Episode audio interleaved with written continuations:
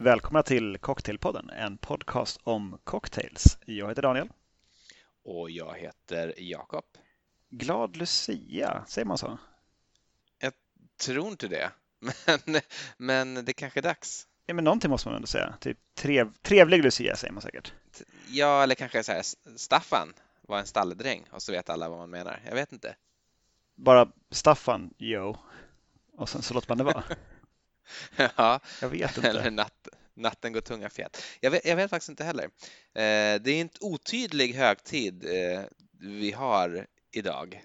Synnerligen ot ot otydlig. Någonting om... Åh nej, han försvann. Hallå? Där verkar det som att telefonsamtalet gav upp. Då försöker vi igen. Ja, ska vi köra från, från otydlig eller helt från början? Nej, vi kör från otydlig. Ja. vi hoppar bara rakt in efter lite tekniska. Ja, jag, jag, har just sagt det är en otydlig högtid och du börjar säga det är en synnerligen otydlig och sen så klippte det ja, men det... Jag vet inte.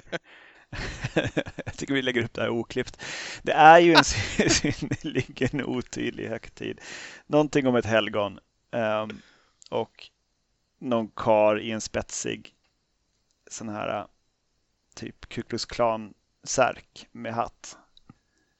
Mm. Jag undrar om det har, är det liksom SvD som har kommit på det? Hade inte de någon tävling typ 1920 eller något sånt där där de efterlyste eh, liksom ett svenskt firande? Man skulle komma på hur man gjorde det här och sen så är typ den här, den här idén som vann att vi, vi sätter en sån strut på, på karlarnas huvud och så kan vi kalla det Lucia för det var något italienskt helgon. Ja, alltså jag, din, din, jag tycker det låter jätteintressant. Berätta mer Jakob. Nej, det, det, var tyvärr. Det var mina fulla kunskaper i ämnet. De, de är nu uttömda. Ja, nu har ni hört ytterligare ett eh, barskrapat avsnitt av Kulturhistoria-podden. Men i alla fall, i, i, i alkoholsammanhang så är ju Lucia lite av en högtid för ungdomar. Jag ska säga var det i alla fall på 90-talet då vi var eh, tonåringar. Då var det fortfarande så att Lucia var ju känt eh, då i, i den åldersgruppen som den stora superhelgen på året. Mm. Det och typ möjligtvis att ta studenten var liksom de här stora sakerna. Undrar om det inte är det som är själva vitsen med eh, den här SVDs tävling, att, att man vill liksom hitta på något nytt som inte bara går ut på att eh, ungdomarna ska ut och, och liksom supa ihjäl sig, utan något, mer uppbyggligt och trevligt som hela familjen kan ställa upp på. Och så blev det det ändå?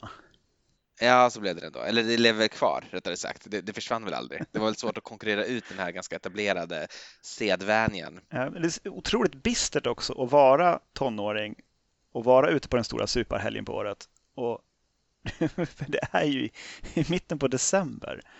Det är sällan så liksom att det har börjat bli snöigt och vackert, utan det är ju bar asfalt, kanske lite frost och djupt elände som är liksom temat. Det är, jag har, jag har ju, eftersom Lucia inte ligger vid någon helg eh, och jag nog inte riktigt var i de kretsarna, liksom under högstadiet i alla fall, så har jag all, det har liksom aldrig varit någon superhjälte för mig. Jag har förstått det först i efterhand att det är det för ungdomen. Men jag vet inte om du har eh, liksom någon, någon personlig anekdot att dela Jag har nog svingat någon häxa eller två tror jag eh, i samband med Lucia på någon parkeringsplats eller lekplats eller utanför någonting på någon plan yta med ungdomar i samma ålder. För mig är ju Lucia väldigt förknippat annars med att det är ett sånt här Lucia-tåg i gympasalen och då fortfarande när vi var unga så fick man ju rösta fram typ årets Lucia och då var det kanske en fem, sex tjejer i skolan som ställde upp och det var i princip någon sorts skönhetstävling eller möjligtvis popularitetstävling. Så det var ju ändå ganska attraktivt att vinna den här tävlingen då.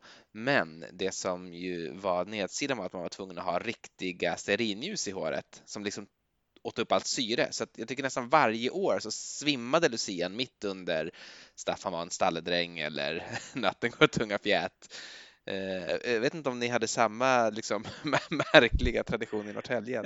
Jag skulle halvt ta död på en av skolans eh, ja, för det, för det är bara Lucia som har ljus i i håret, va, som en krona. Alla andra går och bär på ljus i händerna. Ja, men precis. Exakt. Jo, men, jo, men det minns jag. Det, så, så var det förstås också. Det var väl när man kom upp i typ högstadiet kanske. Jag vet inte om man hade det på gymnasiet, men på högstadiet i alla fall. Och innan dess var det väl elljus på alla barn, tänker jag. Det är väl ingen som sätter typ Mm. typ mellanstadiebarn med stearinljus i håret. Jag tror inte det. Jag hoppas inte det i alla fall. I sådana fall så är vi emot det. Cocktailpodden är emot att barn brinner upp. Shit, det är mycket starka opinions. Ja, men vi börjar bli lite mer politiska. Ja, men det känns skönt att äntligen kunna liksom eh, säga vad man tycker. Nu, nu när vi har den här enorma plattformen att sprida vårt budskap ifrån. Exakt. Vi är världsförändrare nu, Jakob. Ehm, du eh, överföll mig med det här avsnittet ska sägas, eh, för inte Mm. superlänge sedan också. Nu ska vi spela in. Jaha, Mm. jag. Det har jag inte tid med. Jag har en massa andra grejer att göra. Och jag har inte förberett någonting. Du bara, nej men det är lugnt, förbered ingenting. Det har jag inte heller gjort. Jag har jag, en drink har jag gjort. Eh, som jag har framför mig. Jag kanske ska, jag kanske ska ge mig på den. Eh, gör det. Nej, jag har ju inte, jag har ju, jag tänker lite grann så här bara att vi, vi, vi har ju, eh, det är ju ett tag kvar till jul och Eh, vi kommer behöva spela in ett julavsnitt och vi hinner liksom inte göra någonting däremellan, men någonting. Vi, vi kan inte vara så snåla mot våra lyssnare att de inte får liksom någon liten karamell att suga på. Så att jag tycker det här är ett utmärkt tillfälle och eh, jag satte ju riktmärket sju minuter då. Vi kan nog eh, nästan vara uppe i det redan, i alla fall med det här långa, långa avbrottet mitt i som, som vi får se om vi klipper bort eller inte. men, men, men, men summan av kardemumman är, vi gör båda en drink med någon sorts Lucia-tors då och sen så skålar vi va och sen så säger vi glad Lucia till alla. Men börjar du? Ja, då, sådär ja. Nu, jag trodde du skulle hålla på med ditt rant mycket längre. jag började slappna av här. Jag, jag har gjort en, ehm, eh, en, en lussebulle Old Fashioned. Ah, så där, snyggt. Mm. Eh, Också en lussebulle som är långt mycket större än själva glaset och drinken. Jag ser det. Eh, Det är enormt. Så här har vi då alltså under den här lussebullelocket så har vi eh, eh, äntligen lite användning för min, eh, min saffrans gin. Mm. Som, det är en köpt saffransgin men man kan också bara lägga saffran i gin och så blir det saffransgin. Ehm, och sen i och med att lussebullar har russin så hade jag tänkt att jag skulle ha min russinsirap från något tidigare avsnitt men den, den hittade jag inte. så att jag, jag fick tänka om eh, i sista sekund och eh, muddlade därför en rejäl näve med, eh, med russin i eh, ett eh, mixingglas tillsammans med ginen och lät det stå någon minut. Och sen eh, rört med, förlåt, och ett stänk med apelsinbitters också. Och sen rört med is och dubbelsilat till ett kylt glas. Och då är tanken att det ska ha tagit ut tillräckligt mycket sötma ur de här russinen för att det ska bli en behaglig drink. Ja, intressant. Och det har det. Kanske man skulle kunna haft eh, lite mera russin eller en, eh, bara en, en, ett stänk med, eh, med simple syrup för att få en lite, lite rundare och sötare i smaken. Men det är väldigt tydligt och i och med att den här nymikrade lussebullen har legat ovanpå så har den också gett av sig väldigt mycket doft ner i, eh, i själva drinken. Så när man liksom lyfter undan lussebullen så får man en väldigt lussebullig doft på drinken. Gud, det låter, det låter lucikt. Mm, det är alls inte oävet. Mm, bra. Jag, jag är nöjd. Ja, fint. Ska jag, ska jag visa vad jag har då? Absolut. Jag, jag har också en lussebulle, men inte, inte som garnering utan bara vid sidan om på ett litet separat fat. Och eh, det här är inte en helt ny idé. Jag kan ha pratat om det i podden tidigare. Jag kan ha pratat med dig. Jag kan eventuellt bara ha gjort det hemma med Linda. Jag, jag minns faktiskt inte. Men eh, jag, jag tänker lite grann så här. Glögg är Lucia, eller hur? Mhm. Eh, glögg är också vermouth. Just det, glögg är en sorts, en sorts vermouth. Eh, så jag funderar lite grann på, men jag gör något, jag gör något med, med, liksom, med vermouth, men så tar jag glögg istället då. Eh, gjorde tidigare ett litet sample av en Negroni som eh, var gott, eh, men liksom väldigt Campari-aktig då och liksom inte hade den här riktiga, riktiga Lucia-känslan som jag ville ha. Eh, prövade också att göra en Manhattan med två delar eh, rye och en del eh, glögg. Gott men lite spritigt. Så nu har jag kommit fram till vad jag, då, vad jag verkligen vill ha och det är en Manhattan med lika delar av glögg och eh, vad heter den, den här Bottled in Bond, eh, mest kända Rittenhouse. Rittenhouse. Just det, eh, väldigt, väldigt goda eh, Ryan. Och det här har då rörts och eh, även tillsammans med några stänk från Orange Bitters av märket Angostura garnerat med en stjärnanis som flyter omkring på toppen. Tjusigt. Och här har vi den. Eh, den är glöggig och, eh, och spritig och eh, härlig och god. En perfekt eh, liten partner till den här lussebullen som jag alldeles strax ämnar hugga in på.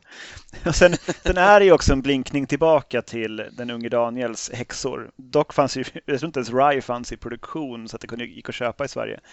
Eller på något vis gå att få tag i. Jag inte hade talas om Rye eh, på 90-talet. Men eh, knappt ens i USA att det gick att få tag på Rye då. Eh, det är lite grann det, just med, eh, med glögg och sprit i en kall blandning är ju för mig väldigt mycket en häxa jag tänkte faktiskt på det, att det skulle vara en liten blinkning dit. Nej, Rye, det var intressant. Visst var det så att man hade, det var liksom en dag om året då man gjorde Rye under typ flera decennier. Mm. Att de flesta av de här bourbon destillerierna hade Rye i produktionen, men de gjorde det en, en gång per år. Ja, gjorde de för skojs skull liksom. Ja. ja. Old Overholt fanns väl hela tiden eh, i en, en, begränsad produktion. Men den, liksom den enda övervintrande Ryan som fanns överhuvudtaget. Mm. Men nu finns det ju Rye överallt. Det tycker jag vi ska vara väldigt, väldigt glada för. Det tycker jag också och eh, jag vill verkligen slå ett slag för den här Rittenhouse som jag tycker höjer sig över den enda andra Rye som är lätt att få tag på i Sverige. Nämligen Bullet var det? Bullet. Just det, precis. Ja. Eh, det är ungefär så långt mina Rye kunskaper sträcker sig. Men eh, det är alltid något i alla fall. Jag, jag, jag, har ändå en åsikt som är grundad i någonting mer än bara... alltså urvalet är inte så stort, men, men någonting. Vi hade kunnat dela upp marknaden på något vis framför dig. Precis. Bra. Det var väl det tror jag. Eh, natten går tunga fjät. Och vi går in i den.